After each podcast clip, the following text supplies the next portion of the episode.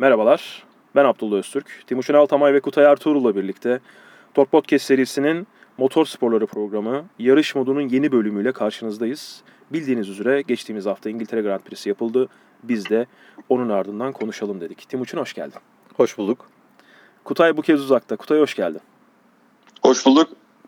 Kutay Skype'tan bağlanıyor. İnşallah bağlantısı kopmaz umuduyla ya da herhangi bir bağlantı sorunu yaşamayı umuduyla birlikte Kutay'la birlikte konuşacağız. Genelde Kerim'in bağlanmasına alışıyoruz yol modlarına Skype'tan. Bu kez Kutay bağlandı. Önce size bir birer cümleyle Silverstone'u sorayım. Böyle aklınızda bu yarışın manşeti olarak ne kaldı? Önce Timuçin'e soracağım. Sonra Kutay'a soracağım. Yani manşet olarak söylemeyeceğim ama e, şöyle söyleyeyim. Monton giden yarışı son 5 turu çok heyecanlıydı. Özellikle iki tur. Ya son 2 turu heyecanlıydı da şey, onu 5'e yuvarladım ben yukarıya doğru. Kutay? Ee, Benzer olacak. Ee, Çünkü ben de bir cümleyi sığdıramayacağım ama şöyle söyleyeyim. Ee, Bilmeyenler olacaktır illaki. Marmaris e, yabancı turist ağırlayan bir yer olduğu için Formula 1 memlekete yayınları e, yani. kafelerde ve e, publarda çok ciddi anlamda veriliyor. Hatta böyle sahil şeridi boyunca Formula 1 veren mekanlar var. Ben de öyle bir yerde izledim yarışı. Son 5 tur kala falan ben artık hesabı ödedim. Şöyle göz ucuyla bakıyordum. Derken dedim der, işte tam böyle kalkayım mı acaba derken bir anda e, Bottas oldu bize gelen yorumlardan. Yani e, inan, yani bir anda heyecan geldi yarışa. E, zaten bunun üzerine oldukça konuşacağız ama beklediğimizden sıkıcı geçen bir Silverstone bir anda e, tarih boyunca unutamayacağımız bir yarışa dönmüş, döndü. Macaristan Grand Prix'sinden bekleyeceğimiz bir sıkıcılık oldu e, Silverstone'da. Ama sonra yarışın son iki turunda yani hiç beklemiyorduk bu kadar sıkıcı bir yarış olmasını. Biraz daha hareketli olur diyorduk. Evet Mercedes'in kuvvetli olduğunu biliyorduk ama böyle bir durum yaşandı. E, o zaman ne Ya- konuşalım? Aslında yarışın başı da güzeldi, heyecanlıydı. Evet güzeldi. Yarışın başı iyiydi. Ama orta se- seans yani orta kısımda bildiğin düz bir yarışa dönmeye başladı. O ikinci safety car'dan sonra. Fazla bir şey yoktu ama son iki tur orada artık aksiyon bir anda tavan yaptı. Aynen öyle. Herkes zaten inanılmaz böyle bir tepkiler paylaştılar. Evet Kutay sendeyiz. Şimdi e, ben Formula 1'e girmeden önce yine bizim e, kilerden başlamak istiyorum. Kesinlikle. E, hem motorcu e, gençlerimiz vardı hem Ayancan Güven vardı. E, Ayancan bu sefer maalesef e, istediğimiz yerlerde bitiremedi yarışı. Berkay da E, vardı. açıkçası açıkçası ben bu sefer yarışı izlemedim. E, sadece 5. kalkıp 8. bitirdiğini biliyorum. E, yarışta ne oldu ne bitti bir fikrim yok. Siz izlediniz mi öncelikle? Ayhan Can Güven 5. sıradan başladı söylediğin gibi. 9'unculuk 9'unculuğa e, indi ve sonra bir sıra yukarıya yükselmeyi başardı. 8. sırada yarışı bitirdi. Berkay da yanlış hatırlamıyorsam 13 başlayıp 11 bitirdi Evet. galiba. 13 Aynen Berkay'da 13 başlayıp 11 bitirdi. Ben Berkay'ı unuttum kusura bakmasın. Aynen E, öyle. 13 başlayıp 11 bitirdi doğru. Aynı zamanda bunun yanında da Toprak Razgatlıoğlu, e, Bahattin Sofuoğlu ve Can Öncü de pistteydi. Toprak Razgatlıoğlu e, önce cumartesi günü yapılan yarışı 3. sırada bitirmeyi başardı. Sonra pazar sabahı Süperpol yarışına çıktı. Orada bir sensör arızası yaşadı. Yarış kaldı. Süperpol e, bir sıralama yarışı gibi bir yarış. E, sonrasında son yarışta da yine e, podyumda kalmayı, podyumda olmayı başardı. E, Hep, ben biraz bahsedeceğim oradan çünkü Tabii ki. bütün yarışları izledim. tabii ki. Ee, öncelikle yarışlar TRT Spor'da veriliyor. Bu bence çok güzel bir olay. Evet. Ee, herkes Bu haftadan izleyebileceği itibaren- bir platform. bu haftadan itibaren Superbike şampiyonasını hem e, Toprağınkini hem Bahattin'inkini hem de Can'ınkini arka arkaya TRT Spor veriyor. Aynen ve e, gayet de güzel bir anlatımla veriyor. Çünkü Mehmet Sevinç sunuyor, Yiğit Top e, yorumluyor. Evet. E, bence Yiğit Top'un da yorumculuğu gayet güzeldi. Mesela ben e, ciddi anlamda hani motorlarla çok ilgilenmediğim için MotoGP ile World Superbike arasındaki farkı tam bilmiyordum. Onu öğrendim. E, bazı bir şey Superpol ne işe yarıyor onu bilmiyordum. Onu öğrendim. Hani gayet güzel bir anlatım e, ve gayet güzel bir yorumla e, izledim yarışı. Çok da keyif aldım. Evet. E, toprakla Toprak e, ilk yarışta 5. başladı. Hı hı. E, ikinciliğe çıktı. E, ama arkasındaki Ducati iyi tutabilecek güçte değildi motoru. Yani o tutamazdı. E, elinden gelen savunmayı yaptı ama geçildi. Üçüncü bitirdi. E, Süper Pole'de de aynı şekilde beşincilikten start aldı. İkinci, e, iki- ikinciliğe çıktı. Fakat yine e, motor bu sefer motor cofladı. İlk yarışta da zaten takım arkadaşının motoru arıza vermişti. Hı hı. E, son yarışta da onunculuktan başlayıp çok iyi yükseldi yukarı. Üçüncülüğe kadar geldi.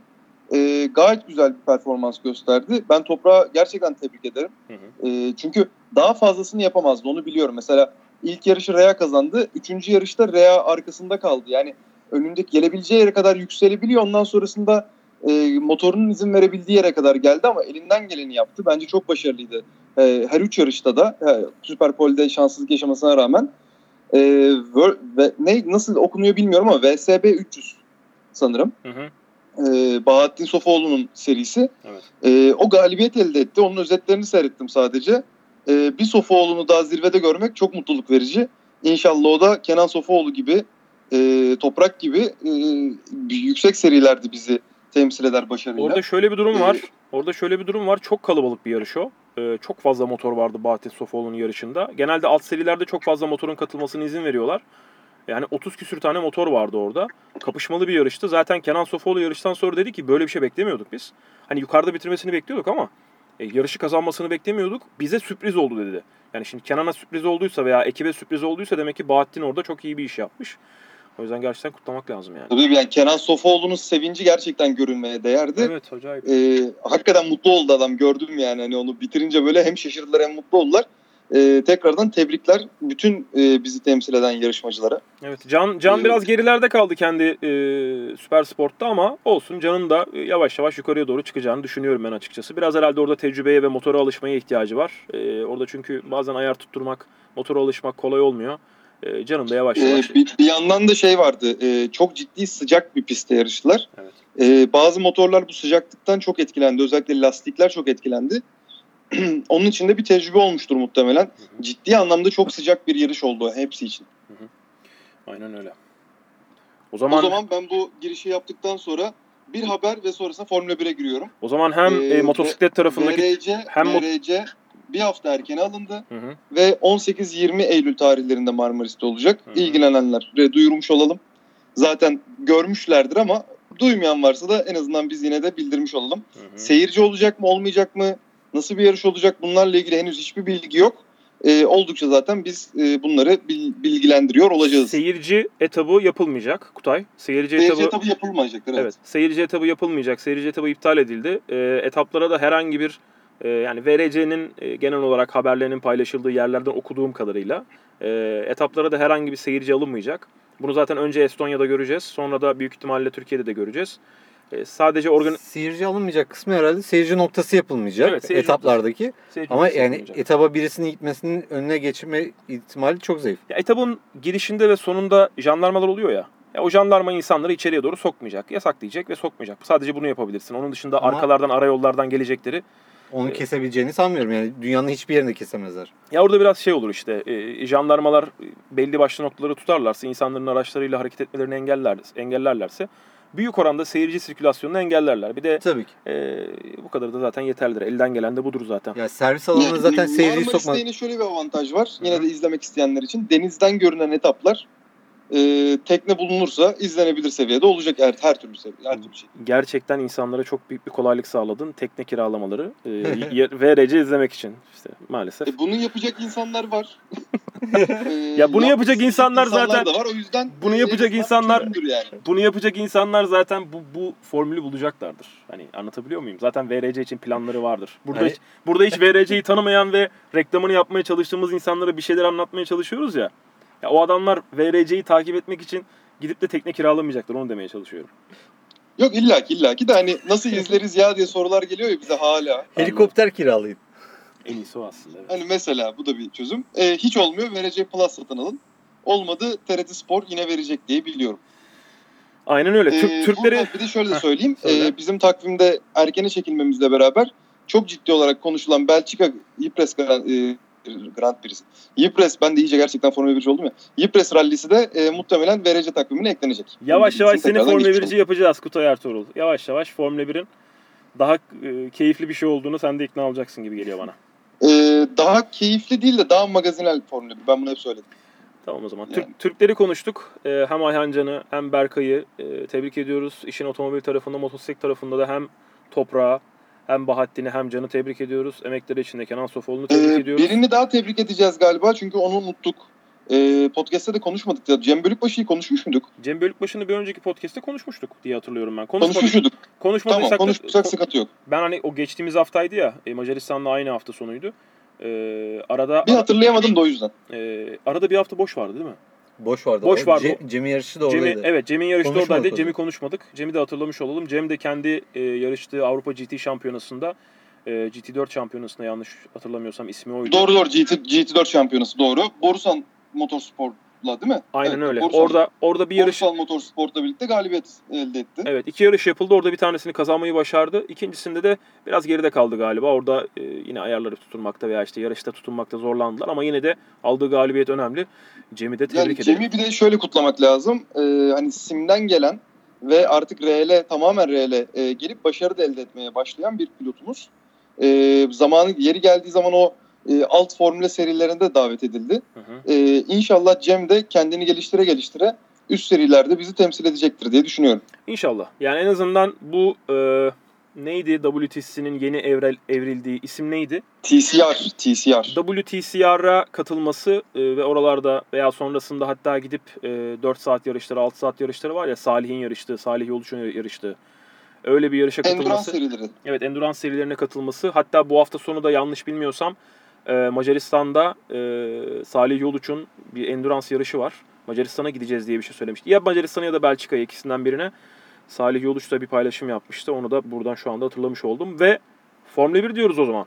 Kutay öyle mi? O zaman Formula 1. Ee, Silverstone e, genelde çok hareketli, çok eğlenceli bir pist. Aslında yine aynı eğlenceyi, aynı hareketi bekliyorduk ama pek öyle olmadı. Evet. Ee, öncelikle ben antrenmanlardan itibaren çok kötü performans gösteren e, Albon'la başlayacağım. E, ve aslında Albon'la beraber bir o kadar da e, iyi performans gösteren buradan da Verstappen'e gideceğim. Önce ben Verstappen'in kendi yorumlarımı yapayım. Verstappen'in- Sonra size bırakayım. Verstappen'in kötü performans gösterdiği yarış var mı Timuçin? Hatırlamıyorum. Ya öyle bir şey oldu mu? Herhangi bir şekilde ya bu yarışta bu çocuk süremedi, gidemedi dediğimiz bir yarış oldu mu? Henüz yani hatırladığım öyle bir şey yok. Adamın kariyerinde öyle bir şey yok zaten ve Yani pek pek görüş, göreceğimizi Sürekli- düşünmüyorum yani. Sürekli tapta gidiyor yani. Aynen öyle. Yani gittikçe Yani- fazlaca saygı kazanıyor. Ben e, devam edeyim size vereceğim sözü. Bekleyin. E, Albon'dan biz aslında bir şeyler bekliyorduk. Hatta Gazli ve Kivat, e, Kivat'tan daha iyi olacağını bekliyorduk. Galiba E, nazar ettik ya. başladı. Öyle... Efendim? Galiba nazar ettik Albon'u. Ben biraz övdüm ya onu. Hak etti o koltuğu artık orayı kaybetmez dedim.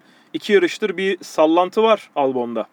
Evet bir konsantrasyon bozukluğu var. Yani antrenmandaki kazası arkayı kaybetti. Arkayla ilgili zaten tüm pilotlar zorlandı yarış boyunca. E, hani olabilir bir şey diyemiyorum. Orada Sonuçta bu olabilir. şeyler deniyorlar. Orada bu olabilir. Çünkü e, bir önceki yarışta da Verstappen kaza yaptı. Yanlış hatırlamıyorsanız. Ya Red Bull'un aracında bir e, denge sıkıntısı var. Çok e, ince bir ayarda kaldığı söyleniyor. Evet. E, en ufak ayar değişikliği bile e, ya arkadan ya önden kaymayı falan filan e, sağlayabilen bir araç olduğu Antrenmanların da amacı söyleniyor da. zaten Antrenmanların amacı zaten o ayarın doğru o ince ayarı bulmak. Evet, onu denemeleri zaten. Yani orada kaza yapması çok doğal yani olabilecek bir şey. Red Bull gibi çok Tabii, tabii, olan bir şirket için çok önemli. O yani olabilecek bir şey. Kazadan dolayı kızılamaz ama sıralama performansı ve üstüne gelen yarış performansı ve yarışta sebep olduğu kaza e, Albon'da bence ciddi anlamda hayal kırıklığı yarattı. Yani e, şey önemli değil. Yani sıralamada da geri kalabilir. Kötü bir tur atabilir, kötü turlar atabilir ama yarışta da yukarı çıkamadı ve ta- ve e, Magnussen'i yarış dışı bıraktı. Bunu zaten tartışacağız muhtemelen. Çünkü yine yarış kazası mı, Albon'un hatası mı, Magnussen'in hatası mı diye. Yarışta konuşuruz onu. Ee, ben ilk ben ilk Albon e, hata yaptı diye düşünürken daha sonra siz beni bu konuda tekrardan bir aydınlattınız. Ee, hem böyle bir Albon hem bir Verstappen övme olarak e, ben Verstappen'i ciddi anlamda övüyorum çünkü Ferrari'lerden hiçbir şekilde Ferrari'ler diyorum. Allah söyletti Apo. Ee, Mercedes'lerden hiçbir şekilde kopmuyor. Ee, ve bir şekilde onların e, arkasında kalabiliyor. Bence bu da büyük bir başarı. Ee, ben buradan size sözü vereyim. Hem Red Bull hem Albon hem Verstappen. Albon'la ilgili şöyle söyleyeceğim. O sıralamadaki kötü performansını şuna bağlayabiliriz. Çünkü Q3'e neredeyse çıktı çıkacak falan filan böyle son 5 dakika kala aracı hazırlayabildi Red Bull. Ee, bayağı bir işlemi vardı aracın. Bir de Albon'un bu hafta sonu e, şey e, yarış mühendisi değişti. Evet. Bu hafta sonunda yeni yarış mühendisiyle girdi. O büyük ihtimalle geçen hafta Russell'ın da açıklaması vardı geçen yarıştan sonrasında. Albon'u çok kötü gösteriyorlar diyerekten. Ricciardo e, Red Bull'dayken Ricciardo'nun yarış mühendisi olan adam geldi fabrikadan. Yani Albon'u çok kötü gösterdiklerini falan söylemişti Russell'da. Ee, yani büyük bir ihtimal Albon'un yarış mühendisiyle uyumu henüz oluşmadı. E, şimdi onu da kopartıp yeni birisini getirince e, şu anda da bir uyum süreci falan var diye düşünüyorum.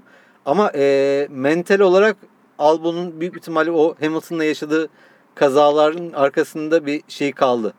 İzi kaldı orada. E, orada kendi pikini gösterip ondan sonrasında yavaş yavaş bir e, performans düşüşü oldu. Verstappen. Verstappen'i konuşmaya gerek var mı ya? Ya şimdi Ya Al- onu yine övgü yağdıracağız da o yüzden yani çünkü adam e, o aracı pikte kullanıyor. Yani o araçtan daha fazla performansı kimsenin çıkartabileceğini sanmıyorum. Yani Hamilton bile otursa daha iyisini yapabileceğini sanmıyorum. Şimdi Formula 1'de şu anda iki tane pilot var ki biliyoruz eee, bir araca bindiğinde maksimum performansı gösteriyor. Bir tanesi Hamilton bir tanesi de Verstappen. E, Hamilton 35 yaşında. Ya Verstappen için onu söyleyebilir miyiz onu bilmiyorum. Çünkü Verstappen sadece Red Bull kullandı. Biraz araç onun üzerine de kurulmuş olabilir. Yani onun bildiği şekilde kurulmuş olabilir. Ama Hamilton için onu söyleme, söyleyebiliriz herhalde ya. Ya ben hani kendi açımdan baktığım zaman e, gerçekten aracının kullandığı aracın şu anda kullandıkları aracın maksimum performansını alabildiklerini gördüğüm iki tane pilot var. Evet. Ona biraz da e, yani tepedeki takımlar açısından konuşuyorum açıkçası. Aşağıdakileri de hani çok fazla haksızlık yapmak istemem. E, o yüzden Verstappen çok zaten üst düzey sürüyor. E, bu Albon'un üzerinde diğer hangi pilot olursa olsun hepsinde aynı baskıyı yaratıyordu. Ricciardo bu kadar e, geride kalmıyordu Verstappen'e karşı. Yani yarış içerisinde de onunla e, mücadele edebiliyordu. Benim o yüzden Ricciardo'ya saygı duymamın ve yani buna kazanabilecek bir araç verirlerse bu adam yine o performansı gösterir dememin sebebi o zaten. Çünkü biz onun defalarca Verstappen'le yarış içerisinde mücadeleye girdiğini ya da aynı bir, bir sıra arkasında e, veya önünde kaldığını çok gördük.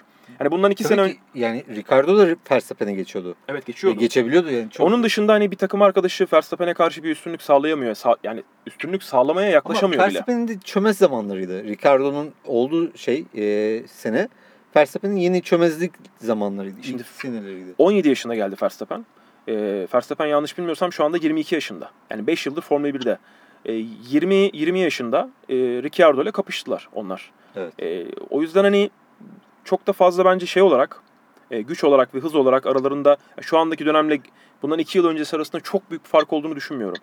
Ama şunu söylemeye çalışıyorum. Verstappen içerisinde olabilir bence. Ama e, şey kısmında Ricardo için söyleyemeyiz tabii.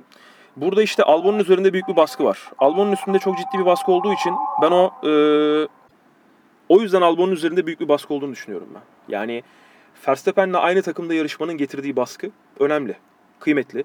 E, ona yaklaşamayacağının farkında. Sonuçta yetenek olarak zaten gerisinde, hız olarak zaten gerisinde. Ve bu onun için hem sıralama turlarında hem antrenmanlarda bir baskı. Ama yarışta çok geride kalmasına rağmen e, sıra kazanmayı başardı. Bayağı bir rakibini geride bırakmayı başardı. Zaten o sert Yani lastikleri bence taktıktan yarışı sonra yarış kötü götürmedi Albon. Hı hı. Sıralamadaki kötülüğü hı. bir de yarışın başındaki o Magnussen'le yapılan e, kazasından kaynaklı zaten sona düştü. hı. Ondan sonrasında yapabileceği tek bir şey vardı. Çift pist stopla olabildiğince hızlı gitmekti ve onu da başar, başardı yani. ya işte burada az önce söylediğim gibi Verstappen burada e, haksız bir rekabet oluşturuyor hızıyla. Yani yeteneği sebebiyle, hızı sebebiyle. Orada yanına kimi koyarsak koyalım. Yani Verstappen'in yanına koymamız gereken adam Leclerc olur. E, Yani- onunla kapışabileceğini ya da ona yakın olabileceğini de- görmemiz için. Aynı araçta bu kadar büyük bir zaman farkı da kabul edilebilecek bir şey değil. Yani e, Verstappen'den bu kadar geride kalması, 0.6 saniyelerde geri kalması, hani 0.2, 0.3'e kadar belki e, kabul edilebilir ama 0.6'lar çok büyük rakam. İşte orada sen az Çünkü önce, aynı araç. orada sen az önce söyledin ya aracın üzerine inşa edilmesi konusu. Şimdi burada e, aracın e, Ferrari'deki aracın Leclerc'in üzerine inşa edilmeye başlandığını artık neredeyse eminim ben kendi adıma. Yani Leclerc'in öncelik olarak görüldüğü. E, bu Mercedes'te Hamilton Kesinlikle. e, ve Red Bull'da Verstappen. Yani Albon'un sürüşüne ve Albon'un tarzına uygun bir araç e, inşa etmek e, onlar için bir şampiyonluk getirisi olmayacak. Leclerc e, geçtiğimiz yıl Ferrari'ye geldiğinde demişti ki ben e, nasıl söyleyeyim e, kendi ilk iki yarışta kendi ayarlarım yerine e, takımın bana direttiklerini, takımın bana uygun gördüklerini kullandım demişti. Sonra bir ayar değişikliğine gittiğini söylemişti ikinci yarıştan sonra. Ve orada çok ciddi bir fark yarattığı görülmüştü. Fettel'in önüne geçmişti. Çünkü Fettel'in ayarlarıyla ya da Fettel'in üzerine inşa edilmiş bir otomobil ayarıyla yarışıyordu geçtiğimiz yıl. Bu yıl e, olan biten mesele e, aslında işte Red Bull'da birazcık böyle. Red Bull'da birazcık böyle oluyor. Öyle olduğu için de açıkçası e, yani nasıl söyleyeyim e, Albon için bir dezavantaj. Ama bu yapacak bir şey yok. Verstappen üzerine inşa edilmiş bir araç. Kutay. Duyuyor musun beni? Duyuyorum. Ee, şu anda bir e, anons devam ediyor ama sanırım deminki gibi rahatsız edici olmayacaktır. Tamam, Birazdan dinliyoruz. da biteceğini düşünüyorum. Dinliyoruz seni abi. Ee, buradan da şuraya geçeceğim. ee, Magnussen ve e, Grosjean. Haas yine aslında kötü bir yarış yönetmedi. Ee, Magnussen e, Albon tarafından oyun dışı bırakıldı. Ona yapacak bir şey yok. Ee, Grosjean bence yine elinden geleni yaptı. Ee, do ve üst sıralarda da yer aldı. Üst sıralara da çıkartıldı yine. Hı hı. Lakin e, artık geçilmekten mi sıkıldı bilmiyorum. Gerçekten hani e, çok agresif savunma yapıyor ve artık kural dışı savunma yaptığını bence o da biliyordur da. Hı hı. E, aldığı cezalar ıvırlar kıvırlar yine gitti e, Haas bir şekilde bu yarışta da başarısız oldu. Ben şöyle düşünüyorum. Bence Haas bu yarışta doğru bir e, taktik yapmadı. Sadece e, yapabilecekleri bir şey vardı. Hadi girmeyelim oldu pit stop'a. Çünkü safety car girdiğinde bütün takımlar pit stop'unu yaptı 13. turda. Orada Grosjean'ı almadılar. Bence en büyük hatayı yaptılar. Hı hı. Ama e, bu sayede e, nasıl söyleyeyim televizyonda kendilerini yer ettiler. Biliyorlardı yani o yarıştan bir puan çıkartamayacaklarını, o yarıştan bir şey olmayacaklarını biliyorlardı. Çünkü e, bütün herkeste yeni bir lastik varken arkalarındaydı. Yani kendilerinde nasıl orta hamur olmasına rağmen e, yani orta hamur da çok eskimemişti 15. turdayken ama e, sonrasında çok çabuk daha çabuk eskiyecekti. Yani e, orada bir kumar oynadılar ama o kumarın tutmayacağı çok netti. Valla orada e, Magnussen'den bahsetmişken istiyorsanız kazadan bahsedelim. Olur. E, yani orada hata %100 Albon'undu. Zaten Albon orada bir ceza aldı ama işte orada verilen 5 saniyelik cezanın ben yeterli olduğunu düşünmüyorum. E, hem Kutay'a hem Timuçin'e soracağım bunu. Çünkü e, Magnussen yarış dışı kaldı. Magnussen'in yarışı bitti. Ve Albon 5 saniye ceza aldıktan sonra yarışına devam etti ve puan almayı başardı bir şey. Yani ön, en azından yarışına devam etmeyi başardı. Ee, burada hani orada yarışın içerisinde Serhan'ın da bahsettiği gibi, Serhan Acar'ın da bahsettiği gibi e, artık eski e, araçlar yok ve çok daha sağlam süspansiyon sistemleri. O sebeple böyle bir e, çarpışmada dahi e, çok kuvvetli ve çok sert, hızlı giderken çok sert bir çarpışmaydı bu aslında. E, Albon'un sol ön süspansiyonunda bir şey olmadı. Lastikte sıkıntı yaşandı. Hani jantta sıkıntı yaşanmış özellikle. E, telsizden onu söylemiş. E, ama süspansiyonda herhangi bir şey olmadı. E, burada %100 zaten hatalıydı. Hani burada 5 saniye vermek bana yete- yeterli gelmedi. Albon'a verilen ceza açısından. Zaten Albon'un hatalı olduğu konusunda bir tereddüt yok. Ya işte orada kurallar kitabının biraz e, azizliği mi diyelim artık nasıl söyleyelim. E, komiserlerin artık orada daha değişik bakması gerekiyor ama e, ellerindeki bir kitap var ve kitaptaki Kurulu. ceza da o. Yani o yüzden bir şey diyemiyorum ben konuda. Magnussen'in yaptığı kaza ve verilen ceza. Kutay ne diyorsun? Ceza kesinlikle yetersiz. Ya ben ilk önce kazayı izlediğimde e, Albon'un gidecek daha ne kadar yeri var ki hani e, niye hani niye e, Albon ceza alıyor dedim. Hatta o sırada seninle konuştuk. Sen de işte o sırada e, araba pozisyonlarının üzerinden e, pis kurallarını anlattın bana. Mantıklı geldi. E, sadece orada şöyle bir şey diyeceğim. Ben bir Haas pilotu olsam e, Red Bull'la o kadar kafa kafaya çekişmeye çalışmazdım. Biraz daha kollamaya çalışırdım. Çünkü orada geçemese başka yerde geçecek zaten. E, E, dediğin doğru ama şöyle bir şey var. Albon orada o kadar geç dalıyor ki e, Magnussen'in onu orada görmesi imkansız neredeyse.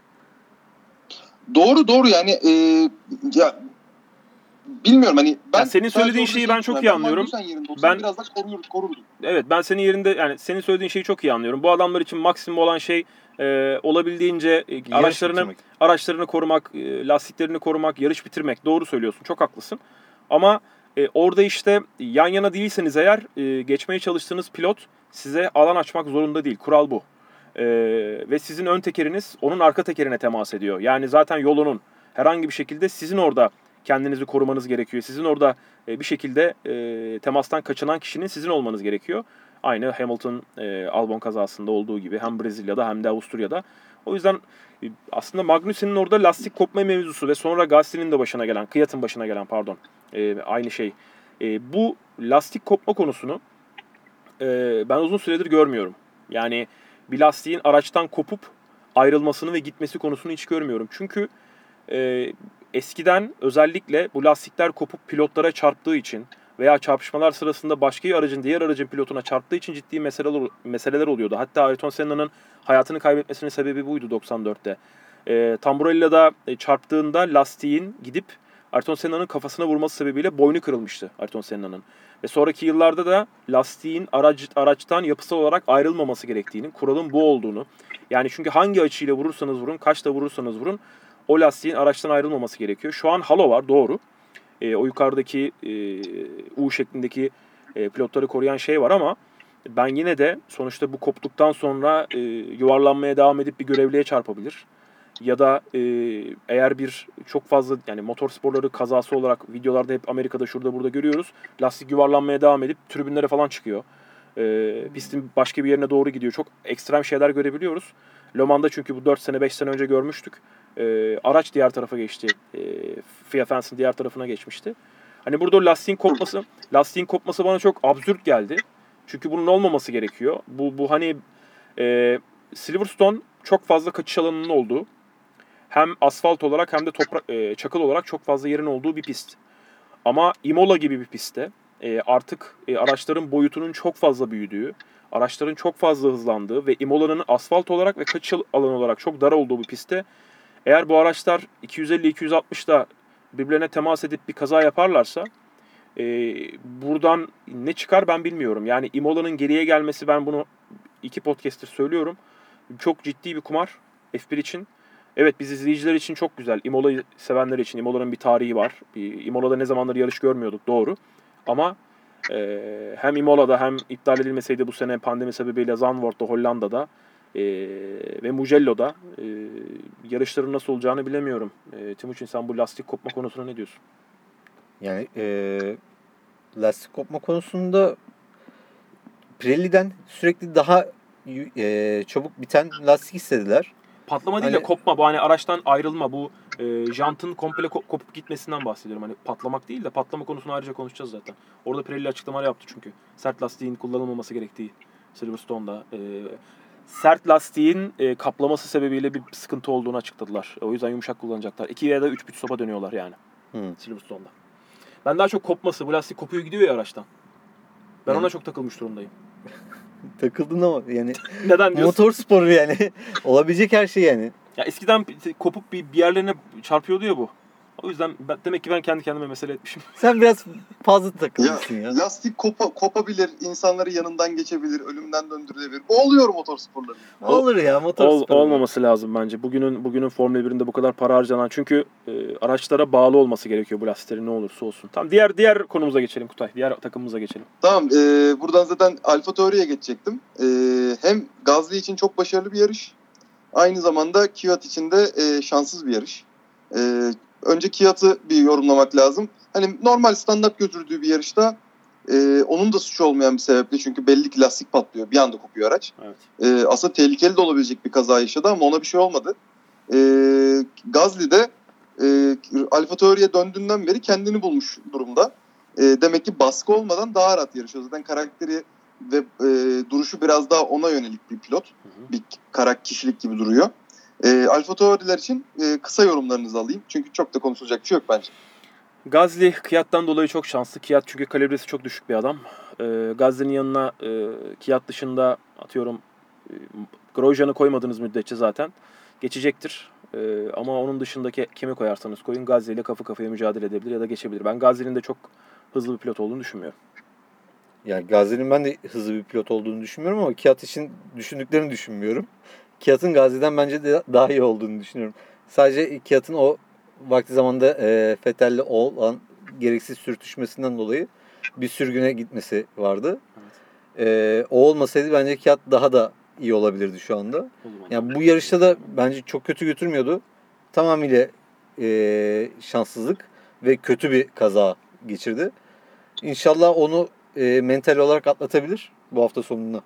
Bakalım. Evet Kutay. Bu hafta sonu, bu hafta sonu e, dediğiniz gibi bu hafta sonu hakikaten ilginç olacak. Çünkü e, hem lastik mevzusu hem pilotlar ikinci kez çıktıkları zaman daha da bir tanıyorlar pisti. E, ben buradan biraz daha eğlenceli bir mevzuya gidip e, Giovinazzi'yi konuşmaya gerek yok. Bence Alfa Romeo'yu da konuşmaya gerek yok. Ama e, Kimi Raikkonen'in e, içeri alınıp e, tam içeri girdiği anda dışarıda kal diye e, denmesi ve sonrasında klasik Kimi Raikkonen'e ne dönüşmesi ve belirli biplenen kelimelerle birlikte komik bir sekans yaşandı orada. Yani Kimi Raikkonen olsam ben galiba e, bırakırdım ya. Zaten bu senenin sonunda bırakacakmış da. Herhalde ben e, onun yerinde olsaydım bu yarış sonrasında bırakırdım. Çünkü hani bir dünya şampiyonu pilotun, pilotun bu seviye bir takımda yarışması evet keyif için yarışıyor. Evet zevk için yarışıyor ama şu anda zevk aldığını da düşünmüyorum. E, Alfa Romeo'larla ilgili yine sizden kısa kısa e, yorumlar rica edeyim. Kimi Raikkonen'i seviyorum, Alfa'yı sevmiyorum. Ya Alfa bu hafta sonun en kötü takımıydı. Yani düşünün e, biz geçen sene Williams'ı gömüyorduk. Williams kadar kötü bir takım yok falan diyorduk ama Alfa bu hafta sonun en kötü takımıydı. Williams'a bile geçirdiler. E, kimi için de dediğin doğru e, kesinlikle bu yarışın ortasındayken hani pit stop'a girdiğimde direkt garaja çekerdim. Siz benimle dalga mı geçiyorsunuz diyerekten. E, çünkü dünya şampiyonu olan bir adamı bu şekilde kötü yönetemezsen e, yani sen ben gitsek daha rahat daha iyi bir şekilde Genel yönetiriz. olarak İtalyanlarda bir problem var zaten. Ferrari tarafında Ferrari ile Siesta bağlantılı. saatine giriyor olduğu için olabilir mi? Valla bilemiyorum ki Fiesta mı Siesta mı artık hangisi neye girdiklerini ben de bilmiyorum da işte pek Yani çünkü yarışlar tam değil böyle onların siesta saatine falan denk geliyor herhalde ondan kaynaklı bir şey var. yani. Olabilir valla. Kutay. Evet geçelim Alfa'yla. Geçiyoruz. Ta- Siz zaten söylediniz Williams'lar geçen sene çok kötülerdi. Ee, ben Williams'ın uzun süre sonra e, bir e, hamleyle üst sıraya yarış içinde üst sıraya çıktığını gördüm. E, Russell e, yani Williams şey geçti, Alfa Romeo geçti ama e, yıl yani bence sanırım 2-3 sene sonra e, pist üzerinde bir Williams bir e, otomobil geçti. E, ve çok uzun zaman sonra da e, Claire'dı değil mi? Yanlış hatırlamıyorum. Claire kadının Williams. adı. Neydi kadının adı? Claire Williams. Claire. Heh, Claire Williams'ı çok uzun süre sonra e, bir e, sollama sonrasında diyelim, bir geçiş sonrasında televizyonda gördük. E, bence yine Williams'ın e, kötü geçirmediği ama iyi de bir performans göstermediği bir yarıştı. Siz neler dersiniz? Aynısını düşünüyorum senin. Williams hakkında çok bu takımlar hakkında çok konuşmak istemiyorum ya. Gereksiz ya. Yani yavaş yavaş aracı geliştiriyorlar ama ciddi anlamda yavaş yavaş geliştiriyorlar. Bakalım inşallah sezon sonuna doğru biraz bir şeyler daha gösterebilirler. Ben orada Russell'a ayrı bir parantez açmak istiyorum. Ciddi anlamda ben Russell'ı seneye Mercedes'e görmek isterdim. Çünkü bir potansiyel var. Ben, erken olabilir ama erken olması geç olmasından daha iyidir diye düşünüyorum. Büyük ihtimalle 2022'de Mercedes'e gelecek. anca. Yeni araçla birlikte gelecek. Yani bir sene görünüyor. daha geçemeyecek garantilendi zaten. Aynen öyle. Evet Kutay. E, ufak ufak e, benim takımıma doğru gelelim o zaman. Sarı siyahlara gelelim. Belki de e, Alonso'nun dönüşüyle birlikte sarı lacivertlere geri dönerler. Bunu ben diyorum ya çok acayip. Ama e, bir sarıyla maviyi yan yana sevdiysem o da Renault'un üzerinde oldu. Hı hı. Öncelikle bu yarış e, gerçekten iyi performans sergilediler. Hı hı. Hem galiba aracı geliştiriyorlar hem de galiba e, biraz daha hızlı pistlerde Renault iyi performans sergileyecek gibi hissettirdi bana. Hı hı. E, Ricardo takım değiştirecek olmasını bilincine bilincinde olmasına rağmen e, konsantre o güzel. E, Ocon'un e, biraz daha agresif olmasını beklerdim ama e, en azından istediğim agresiflik seviyesine geldi ve en azından bu sefer iki araçla birlikte düzgün yerlerde puan alarak bitirdi Renault. E, ben bu yarıştan bir Renault taraftarı olarak tatmin oldum. E, daha iyi olacağını da inandım açıkçası ilerleyen yarışlarda. E, biraz da o zaman Renault konuşalım. Valla Renault ile McLaren'i ben aynı e, cümle içerisinde kullanarak konuşmak istiyorum. Çünkü e, bazı takımlar var e, hızlılar, bazı takımlar var yavaşlar, bazı takımlar da var yarış içerisinde hamle yapabiliyorlar. Yani yarış içerisinde strateji değişikliği yapıp ya da pilotları doğru düzgün e, lastik yönetimiyle doğru tempo kullanarak yarış içerisinde yukarıya doğru çıkmayı başarabiliyorlar. E, burada Renault'un elinde Ricciardo var ve hani en azından Formula 1 tecrübesi olan yine de nispeten genç olduğunu söyleyebileceğimiz Ocon var. İkisi de doğru düzgün pilotlar. Ricciardo tabii ki biraz daha kıymetli ve biraz daha hızlı bir pilot. Diğer tarafta McLaren'de de Norris gibi bence ileride çok ciddi Formula 1'de önemli olacağını düşündüğümüz bir pilot var ve Carlos Sainz var. Carlos Sainz e, bir şekilde yarışlarda artık e, daha önde olabileceğini yani iyi bir iyi bir hızlı bir otomobil verdiğimiz zaman ona e, daha iyisini yapabileceğini gösteriyor. McLaren ve Renault ben misiniz? Önümüzdeki yıl e, verebilmek Yok. için onu Ferrari'de konuşacağız. Dur bakalım orada bir şeyler söyleyeceğiz. Ama Renault, e, Renault'u tebrik etmek lazım. Geçtiğimiz yıl çok kötü bir otomobilleri vardı. E, neredeyse yarış tamamlayamayacak seviyeden e, sezon sonunda bir şeyleri değiştirerek yeni yıla doğru e, seyirttiler aslında e, iyi bir aracı. E, burada da galiba pandemi süreci onlara belki yaramış olabilir bilmiyorum. Çünkü geçen seneki kötü otomobilden bu yılki e, işte Mart ayında başlayacak Avustralya Grand Prix'sine kadar ne kadar iyi bir otomobil yapabilirlerdi ama fabrikalar da kapalıydı bir yandan. Bilmiyorum e, acaba bir faydası olmuş mudur bu pandemi döneminin. E, Renault'da burada senin söylediğin gibi hızlı pistlerde iyi bir şeyler görebileceğiz gibi görünüyor. E, keza McLaren'de de aynı şekilde. Çünkü McLaren Avusturya'da çok başarılıydı. Ben ikisini, ikisini de yorumlamış olayım. Yani bence bu hafta sonu Renault motorunda bir e, performans artışı var yani vardı. Yani pistin şey e, karakteristiği Renault motoru için iyi, iyiydi. E, geçen seneki Renault aracının bu seneye göre daha yavaş olduğunu biliyoruz. E, Renault bence aerodinamiksel olarak bir şekilde kendini geliştirdi. Çünkü geçen sene McLaren yine iyiydi. Yani şu anda McLaren'le aynı seviyeye getirebildi aracı. E, elinde de Ricardo gibi bir pilot var ve Ricardo geçen seneki gibi e, goy goy yapmak yerine yarışmayı tercih etti bu sene. Ondan kaynaklı e, bir tık daha öne çıkmaya başladılar. Evet Kutay. Ee, McLaren zaten birazcık girdik. Ee, ben McLaren'a birazcık Lando Norris'in kaskıyla başlamak istiyorum ve Formula 1'in de bunu çok iyi yönettiğiyle ilgili. Çünkü o hani tamam bir PR çalışması olabilir. Bir gerçekten istemiş olabilir. Bilmiyoruz bunu. Ee, PR çalışması olsa bile Lando Norris'in o şekilde bir kaskla start alması bence çok sempatikti. Ben çok beğendim. Aynı şekilde o alta inen S'nin de Formula 1'deki e, antrenman turlarında Formula 1 resmi hesabından Norris'in en son S'sinin bir e, şey bir satır altta e, gösterilmesi de bence ayrıca güzeldi. Evet. Formula 1 böyle hoşlukları güzel yapıyor. E, biraz da bence bu Amerikalı e, şirket sayesinde oluyor. Çünkü NBA, Amerikan futbolu, Amerikan sporları bu tarz şeyleri çok sever. Evet. E, McLaren için bence Norris standart performans gösterdi. E, bekleneni verdi. Sainz'a şanssızlık oldu. Lastiği zaten konuşacağız ama Sainz için e, şanssız bir hafta sonuydu. E, Abdullah zaten yorum yaptı. Kaskla ilgili yorum yapmak istersen tabii ki e, burada öncelikle ama Timu'ya ben söz vereyim. Sonra sen kaskla ilgili bir şeyler söylemek istersen söyle.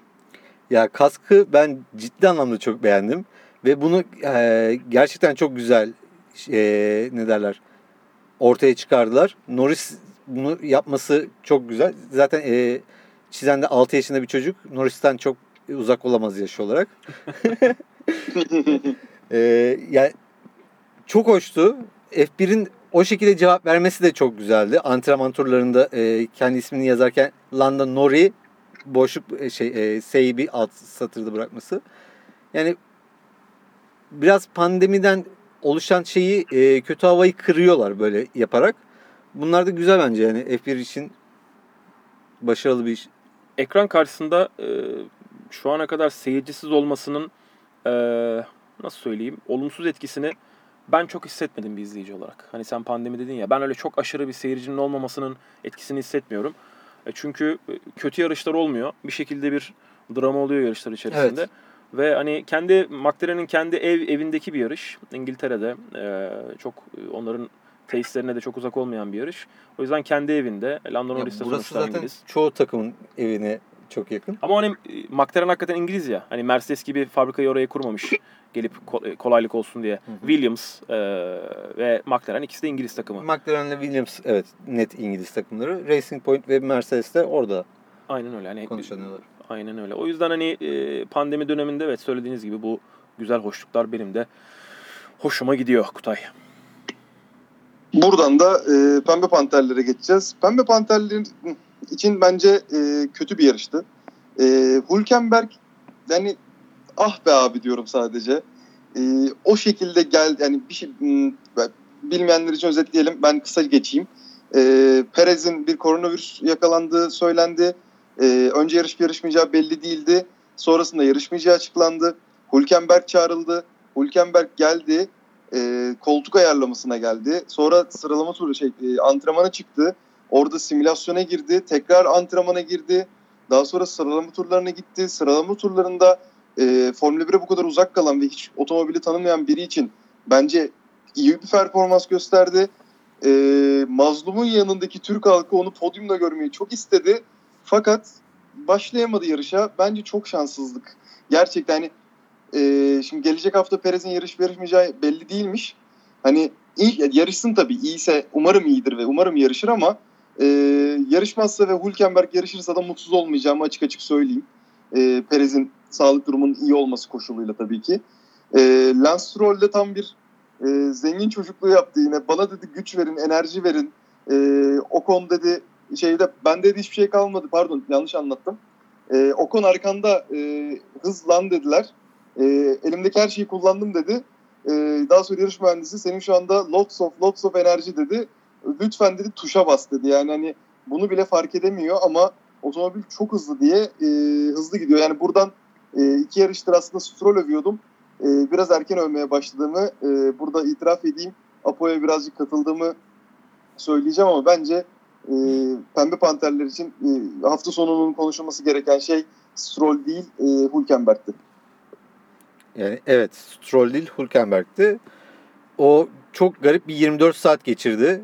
Ee, 24 saat içerisinde Fransa'dan İngiltere'ye geldi bir şekilde tekrardan vizesi çıkartıldı F1 tarafından. Ee, ondan sonra koltuk ayarı ve hatta Stroll'ün bir tane tulumunu kendine geçirdi. Ee, Hülkenberg'e göre tulum da yok. Stroll'ün tulumunu giydi. Ee, ama şanzıman arızasıydı değil mi? Yanlış hatırlamıyorsam. Debriyaj, De- e, debriyaj- Debriyajda bir debriyaj- arıza. debriyajdaki bir e, vida. Debriyaj vidası arızası. Yani oradaki debriyaj vidasının e, tam olarak e, istedikleri gibi olmaması sebebiyle motoru çalıştıramadılar. Yani ondan sebep de start alamadı.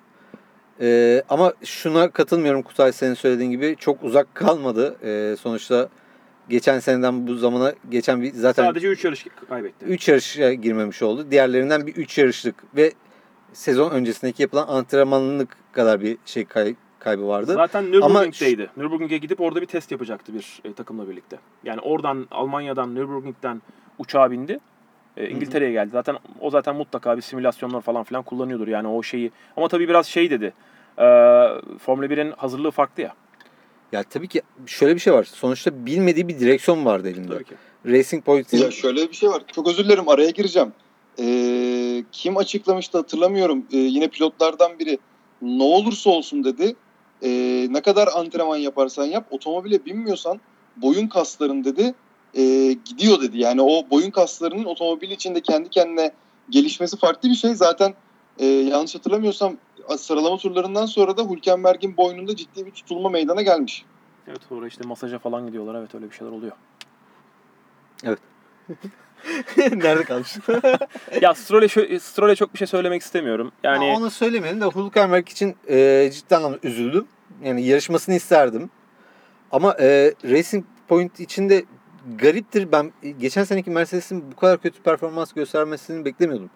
Ben şu anda e, bunu Mercedes'e gelince de söyleyeceğim. E, iki takım içinde hem Mercedes hem de Racing Point için e, yarış performansı olarak özellikle e, frene basıldığını düşünüyorum. Yani biraz motor kıs- kıstırıldığını düşünüyorum. Çünkü e, geçtiğimiz yıllarda özellikle Red Bull zamanında, Red Bull yıllarında e, bunu çok fazla Ferrari'ye yapmıyorlardı, yapamıyorlardı ama Red Bull yıllarında e, motor kıstırıyorlardı Red Bull'a. Red Bull çok daha hızlıydı, çok daha öndeydi. Bernie Eccleston devreye giriyordu. Ben burada yine e, özellikle Rose Brown'un ve e, oradaki İngiliz ayağının biraz devreye girip yani biraz motor kısım biraz bu işi kopartıp gitmeyin e, dediğini düşünüyorum. Çünkü bu farkı biz Avusturya'da gördük. E, gerçekten çok çok aşırı hızlı bir performans göstereceğini anlamıştık Mercedes'in. E, Buradaki sıralamada da öyleydi. Bir saniye koydu. ya sıralama turlarını da anlayabiliyorum. Orada hani tek turda en iyisini yapması gerekiyor ya. Çünkü arkadan gelenin tek turda ne yapacağını bilemiyorsun. Ee, çünkü mesela Leclerc de diyor ya sıralama turlarında iyiyiz ama yarışta kötüyüz. İşte orada bir dengeyi yakalamamız gerekiyor. Ee, sıralama turundaki hızı anlıyorum ben. Orada hani kıstırdığın zaman adama ne yapacağını ne olacağını bilemiyorsun. Çok kestiremiyorsun ama yarışta öyle değil. Ee, yarış performansı biraz daha farklı. O yüzden Racing Point'te biraz e, biraz frene bastırılmış olabileceğini düşünüyorum. Çünkü onların e, yarış kazanma ihtimali var mı? Yok. E, şampiyon olma ihtimali var mı? O da yok. E, para problemleri var mı? O da yok. O zaman Yani e, sürpriz yapıp bir yarış kazanabilirler hala. Yani Mer- Mercedes'in başına bir şey lazım. gelirse falan. Mercedes'in başına bir şey gelecek. Oradan bir e, yarış belki yağmur falan filan olup bir Verstappen şey olabilir. yarışa gelmeyecek falan öyle bir sürü şey olması gerekiyor. İşte yani olma ihtimali var. O Aa. Çünkü güçlü bir araç. Umarım haftaya Hülkenberg yarışır. Perez değil. Yani ben Perez Perez'de şöyle bir durum var. Ee, Perez McLaren'de çok kötü bir yıl geçirdiği için sonraki kariyeri hiçbir zaman istediği gibi gitmedi. Aslında Perez'in kumaşı çok hızlıdır. Çok gerçekten hızlı bir pilottur ama e, o McLaren'e geldiği zaman istediğini ortaya koyabilseydi Alonso ile beraber yarıştığı yıl biraz daha iyi bir performans ortaya koyabilseydi kariyeri daha başka bir noktaya gidebilirdi. Yukarıdaki takımlardan, takımlardan birinde olabilir. Yani Bottas'ın koltuğunda olabilirdi Perez. Oralarda bir yerlerde olabilirdi ama maalesef e, aslında şu anda olduğundan daha hızlı bir pilot ama maalesef onu gösteremiyor Kutay. Ee, buradan da Ferrari'ye geçeceğim. Ee, Ferrari'ye iki sebepten geçeceğim. Öncelikle Vettel'in rezalet performansı ama belli ki artık bu e, Ferrari'nin sorunu değil. Çünkü Leclerc'in Ferrari ile yapabildiğini görüyoruz. Ee, bir yere kadar yapabildiğini görüyoruz. Ee, zaten Racing Point'de ciddi ciddi geçileceği konuşuluyor Vettel'in. Aynı zamanda senin de bana gönderdiğin bir görüntü e, artık iyice e, olayı su üstüne çıkartmış durumda. Muhtemelen Vettel'i seneye Racing Point'te göreceğiz. Lance Stroll'ün yanında. Hem bu bağlamda bir Ferrari konuşmak lazım. Hem e, Binotto'nun bir açıklaması var. E, biz artık üstteki takımlardan biri değiliz bu sene özelinde. Üstteki takımlar hızlı. Biz or daha ciddi çekişmenin yaşandığı orta sıralarda üstte kalmaya çalışacağız diye bir açıklama yaptı ki bence Enzo Ferrari şöyle mezarında bir titremiştir ufaktan. Ferrari e, büyük ihtimalle artık aracın e, gelişimini Leclerc üzerine yapıyor. Bu anlaşılabilir bir durum. E, orada çok Vettel'in önceliği, Vettel'in e, mutluluğu öncelik değil Ferrari açısından. Ama Sebastian Vettel ne olursa olsun bir sıralama turunda 10. sırada e, takım arkadaşı 4. olmuşken e, 10. sırada olacak bir pilot değil. Yani e, arada 0.6-0.7 saniye fark oluyor. Bazen 1 saniyeye çıkıyor bu fark. Bu kabul edilebilir bir şey değil. Şu anda Vettel'in yaptığı e, Ferrari taraftarlarına hiçbir şey vermemiş bir adam olarak Vettel'in şu anda yaptığı şey ayıp. Vettel'le alakalı sadece bunu söyleyeyim. Çok daha ağır konuşurum. Ama bu hafta sonu e, yaşadığı arızalar da vardı. Ya beni hiç, ilgilen- beni hiç ilgilendirmiyor açıkçası. Hatta kendi arızasını kendi gidermeye çalışıyor. Umurumda Çünkü değil açıkçası. Gerçekten umurumda değil. Yani çünkü yıllardır otomobille yarışıyor. Yaşaması muhtemel olan bütün arızaları biliyor olması gerekiyor. Bu arızaları Hamilton yaşamadıysa, Fernando Alonso yaşamadıysa, e, pik yıllarında Michael Schumacher yaşamadıysa sen de 4 kez dünya şampiyonu olarak yaşamaman gerekiyor. Bunları öngörmen gerekiyor. E, mekanik arızalar yaşanır da bu şu yarışa kadar sorunsuz geldi, problemsiz geldi, çok hızlı geldi. Bu yarışta olmadı bir anda kötü bir şeyler. Ve yarış yarış içerisinde yaşadığı o hani yani Leclerc'in nasıl aracı kullandığını, lastikleri nasıl yönettiğini, frenleri nasıl nasıl yönettiğini gördük. Aynı araçta yarışıyorsun sen ne olursa olsun. E, o yüzden senin uyum sağlaman gerekiyor. Aranızda bir 10 yıllık deneyim farkı var Formula 1 açısından. Göster bu deneyim farkını. Yani görelim senin dünya şampiyonları ama öyle bir şey göremiyoruz. E, Leclerc de daha e, odaklanmış durumda. Sorumluluğunun farkında. E, aracın hani kendi üzerine inşa edildiğinin farkında. Beklen, beklentinin farkında. E, bu yıl ona yine e, tifosiler tarafından, herkes tabii bütün Ferrari taraftarları tarafından e, araca uyum sağlaması ve geleceğe e, önümüzdeki yıl için geliştirilen araca e, emek verilmesi açısından verilmiş bir yıl daha Leclerc'e. O yüzden herkes anlayışla karşılıyor. Yaptığı da bence yeterliydi.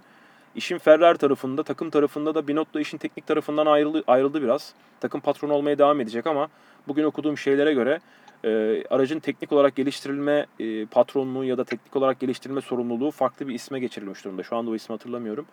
E, Binotto biraz daha işin patronluğunu, takımın patronluğunu yapmaya devam edecek. E, aracın geliştirme e, mantığı farklı insanların sorumluluğuna e, verilecek gibi görünüyor. Ben e, açıkçası e, Ferrari'nin sahibinden de Elkan'dan da yapılan, John Elkan'dan da yapılan açıklamayı görünce aslında zihniyetin zihniyet probleminin en tepede olduğunu görüyorum. Çünkü John Elkan geçtiğimiz yıl e, Lewis Hamilton'la bir yemek yemişti. Yani Ferrari'nin sahibi, Fiat'ın sahibi, Juventus'un sahibiysen sen e, Lewis Hamilton'la eğer yemek yiyorsan Lewis Hamilton'ı alman gerekir. Yani Lewis Hamilton'la imzalamak için e, yemek yemen gerekir. E, oradan Lewis Hamilton da zaten bunu e, reddetmedi. Yani birçok kişiyle yemek yiyorum, oturuyorum, görüşüyorum dedi zaten. E, yani burada Lewis Hamilton'la görüşüyorsan o zaman imzalamak için görüş. E, senden başka şeyler istemiş olabilir. O adamla o zaman bunu göze alarak konuşman gerekiyor. Ferrari'de mental bir sıkıntı var. Yani tepeden kaynaklanan bir sıkıntı bu.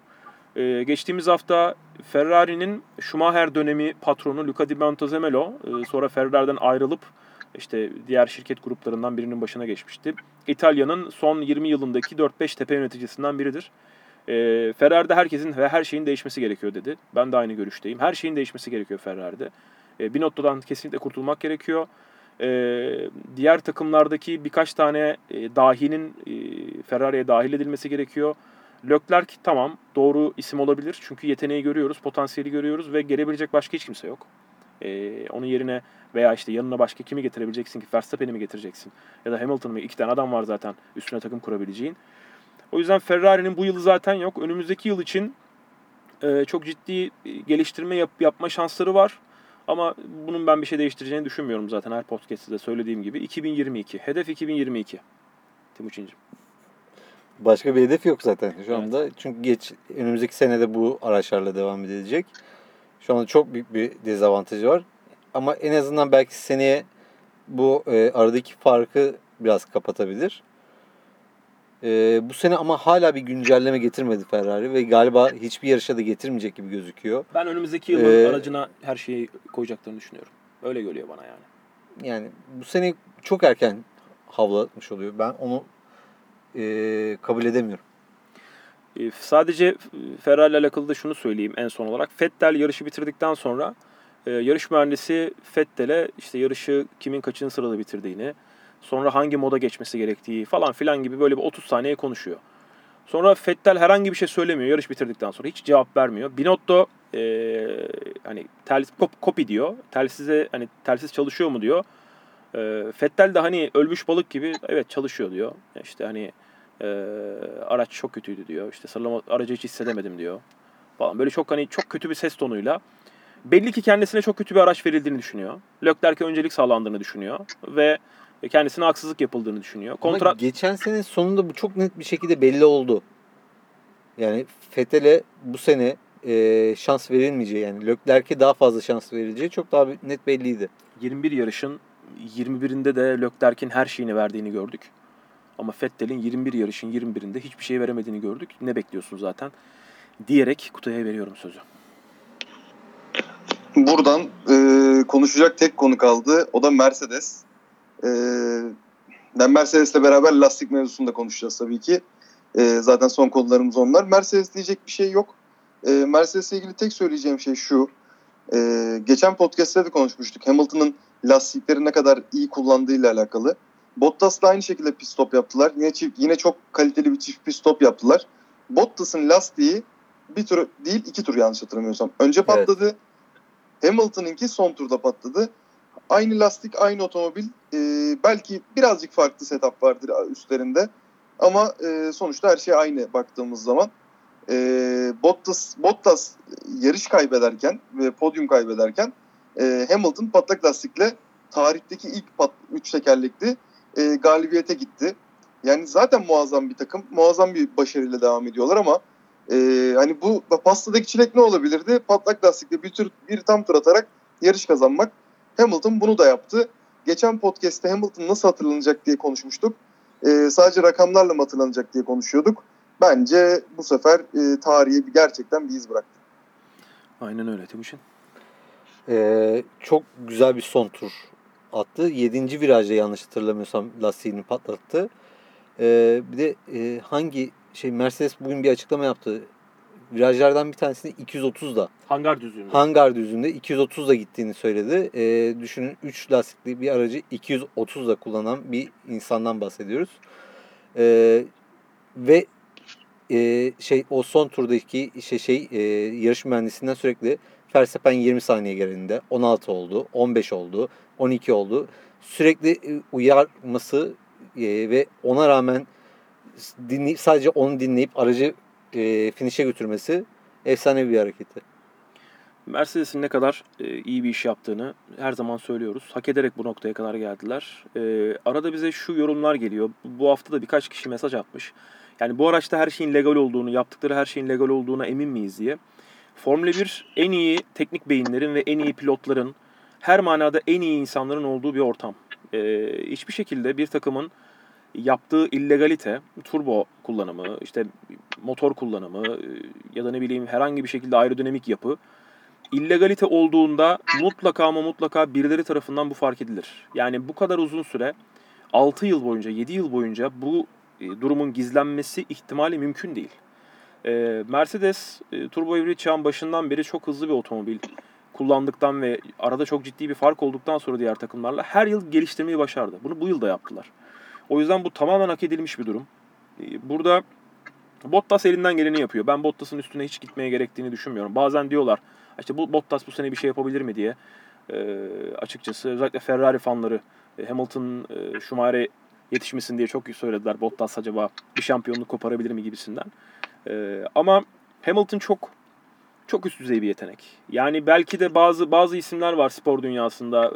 E, Vaktinde denk geldiğimiz için kendimizi şanslı hissettiğimiz. Hamilton o klasmanda bir adam. Ve Formula 1'i bitirdiğinde de orada bitirecek. Son tur e, biz özellikle hikayelere attık e, Twitter'daki bir videoyu. E, yani orada e, Bono ile birlikte diyaloğu, e, viraj viraj konuşması ve şunu görüyorum orada ben Kutay ve için. E, fren kullanmıyor. Şanzımanla birlikte aracın hızını düşürüp e, fren kullandığınız anda çünkü daha fazla e, orada sürtünme Denge- yaratacaksınız. Hem sürtünme hem de dengesizlik yaratacak. Evet. Orada bir Orada aracın e, o lastiğin üzerindeki kaplamanın lastikten ayrılmasını sağlayacaksınız ve jantın üstünde gitmesine sebep olacak. İşte orada müthiş bir e, kabiliyet gösterdi. E, fren neredeyse hiç fren kullanmadan çok az fren kullanarak e, aracı şanzımanla yavaşlatıp yani şanzımanı şanzımanla hızını düşürüp minimum frenle geldi. Ama şöyle bir durum var. E, 3 viraj daha, 4 viraj daha olsaydı Verstappen kazanacaktı. Burada da evet böyle bir şans var. Hani ya abi çok şanslı ballı var diyen, da- diyenler var. Ama e, orada şu durum var. İkisi de aynı anda pite girdiler Bottas'la. İkisi Evet. de ikisi de e, aynı anda pite girip aynı kilometreyi ve aynı turu attılar. Aralarında bir fark yok. İşte burada Bottas'ınki bir tur daha az dayandı. Bu da işte Hamilton farkı zaten. E, aynı aynı şeyi e, orada e, Sainz'da da gördük. Sainz de aynı şekilde lastiğini patlattı ve hani e, patlattıktan hemen sonra bir anda orada hemen kıvılcımlar çıkmaya başladı. Bir anda e, gerçekten lastik koptu gitti pite girmek durumunda kaldı. E, Bottas da hani bir tur sonra yine son turda patlatsaydı o da girmezdi pite. Yani o da devam ederdi yarışın sonuna kadar. Şimdi şöyle bir şey var. Bottas'ın bir şanssızlığı vardı. Tam e, start finish düzlüğünü geçtikten sonra patlattı. Bir tur atmak zorunda kaldı. Tam, Tam bir tur atmak zorunda kaldı. Onun öyle bir dezavantajı vardı. Hamilton'ın şöyle bir şansı vardı. Son turda ve 7. virajı geçtikten sonrasında patlatması. E, bu onun için çok büyük bir şansı. Verstappen için de belki de büyük bir şanssızlıktı. Hani daha öncesinde patlatmış olsaydı yani 4. virajda falan e, o lastik patlamış olsaydı Verstappen'in onu yakalama ihtimali çok daha yüksekti. E, ama bu kadar top seviyede giden bir insanın da bırakın o kadar şansı olsun diyorum. Verstappen'in neden pit stop yaptığıyla alakalı çok e, eleştiri geldi. Sonra Christian Horner dedi ki e, bizim lastiklerden artık o çelik parçaları e, lastiğin içinde içindeki çelik kablolar dışarıya çıkmıştı. Muhtemelen lastik biz de patlatacaktık eğer içeri girmeseydik dedi Christian Horner. O açıdan ben onların doğru bir karar vermiş olabileceğini düşünüyorum. Belki lastik Ben patlatacaktı ve çok geriye düşecekti yani. net doğru karar verdiğini düşünüyorum. Çünkü e, ikinci sıradaki Bottas e, şey yaptı lastik patlatınca onların önü direkt açıldı. Yani orada yapacağınız hani Hamilton hiç lastik patlatmadığını düşünün. Olmadı yani e, on, öyle bir durumda en azından artı bir puan alma 19 puan imkanınız vardı. Yani 20, e, 25, 19 yine gayet onu iyi. yaptı. Evet gayet iyi. Yani çok mantıklı bir karardı. Ben hatta e, şimdi tabii ki Hamilton Verstappen'in önünde ama son turda Hamilton'ı niye almadılar diye düşünmedim değil. Ama e, arkadan çok hızlı gelen bir Verstappen vardı. Belki onu alsalardı o şeyi e, önde çıkmayı sağlayabilirlerdi. Ee, yanlış hatırlamıyorsam, yanlış bilmiyorsam e, Mercedes ilk garaj mı? Pit stop pitte. E, yok Silverstone'da son galiba. Son garaj mı? E, 98 Silverstone'da e, Schumacher'in pitte kazandığı bir yarış vardır. E, Silverstone'da yanlış hatırlamıyorsam. Orada Schumacher'e bir ceza vermişlerdi. O zaman e, işte şu kadar 3 tur içinde 5 tur içinde pite gireceksin ve bu cezayı çekeceksin diye bir kural yoktu.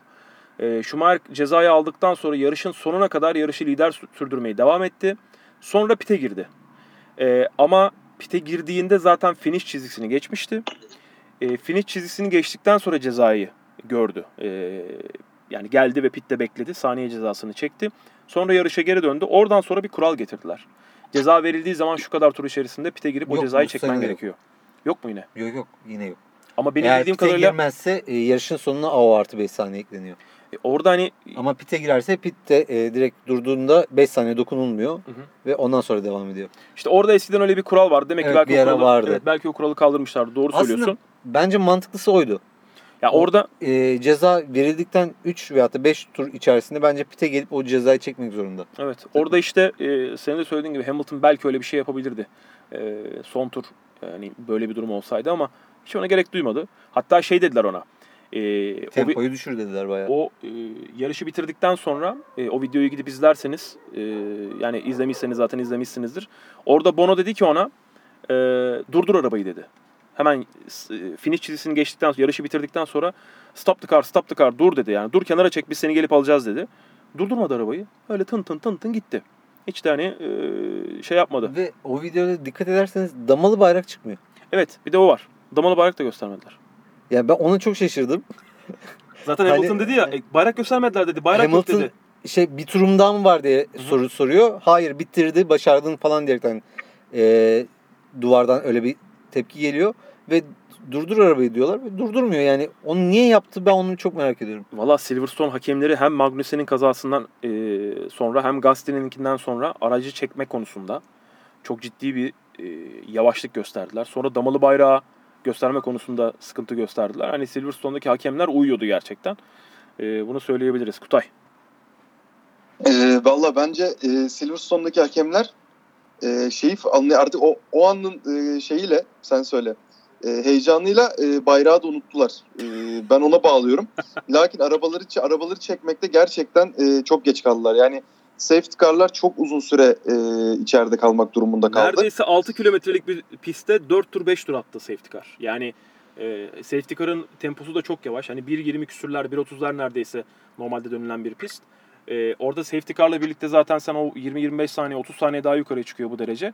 Hani senin bunu iki turda kaldıramaman operasyon olarak çok yavaştı bence. Bir de şunu fark ettiniz mi ya? Şunu söyleyeceğim. E, onun fotoğrafını paylaştılar. E, pit alanının karşısına otel yaptılar. Bir bina yaptılar. Oradaki tribünü kaldırdılar.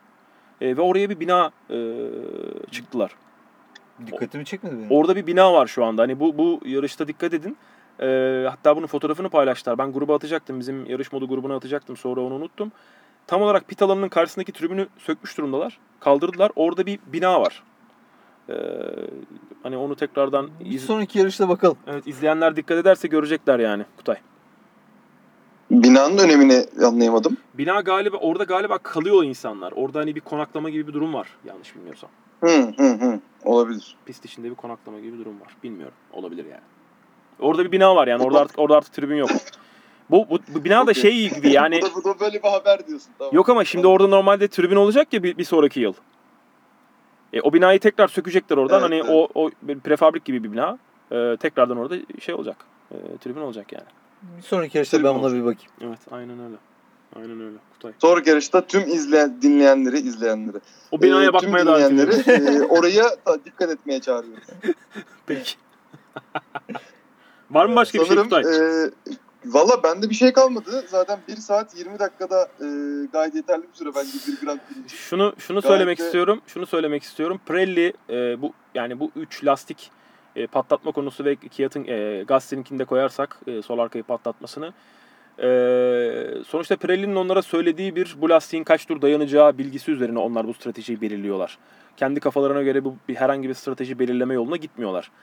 E, o yüzden e, Pirelli'nin verdiği burada yanlış bir bilgi var. Takımlar kendi kafalarına göre bunu bu uygulamaya gitmiyorlar, bu uygulamaya geçmiyorlar.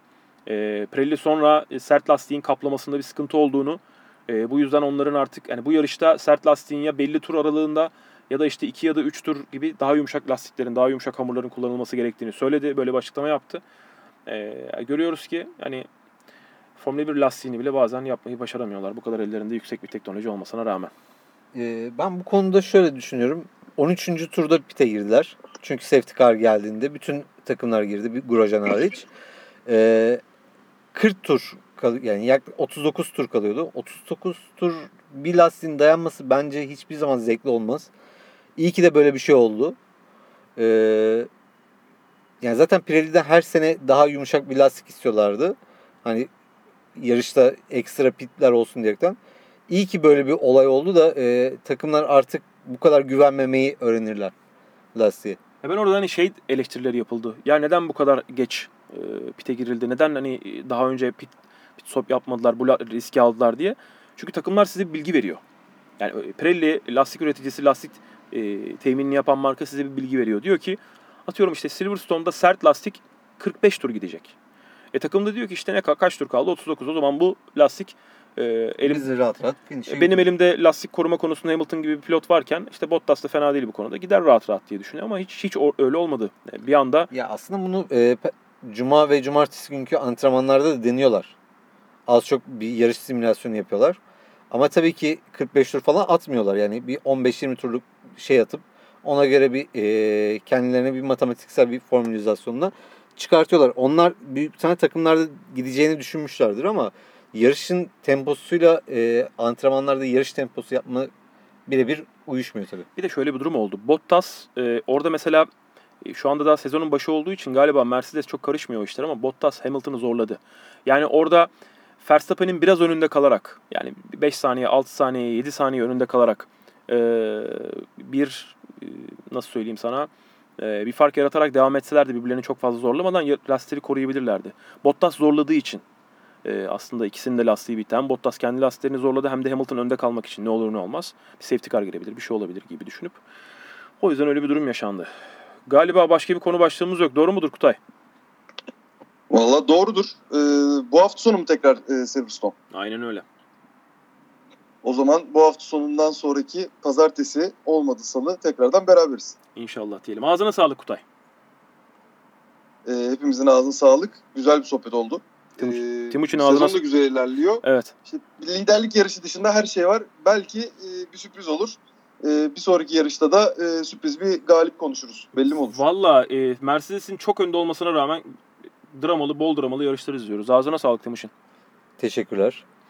Bu dakikaya kadar bizi dinlediyseniz 67 dakikadır. Teşekkür ediyoruz size. Bir sonraki podcast'te görüşmek üzere. Hoşçakalın.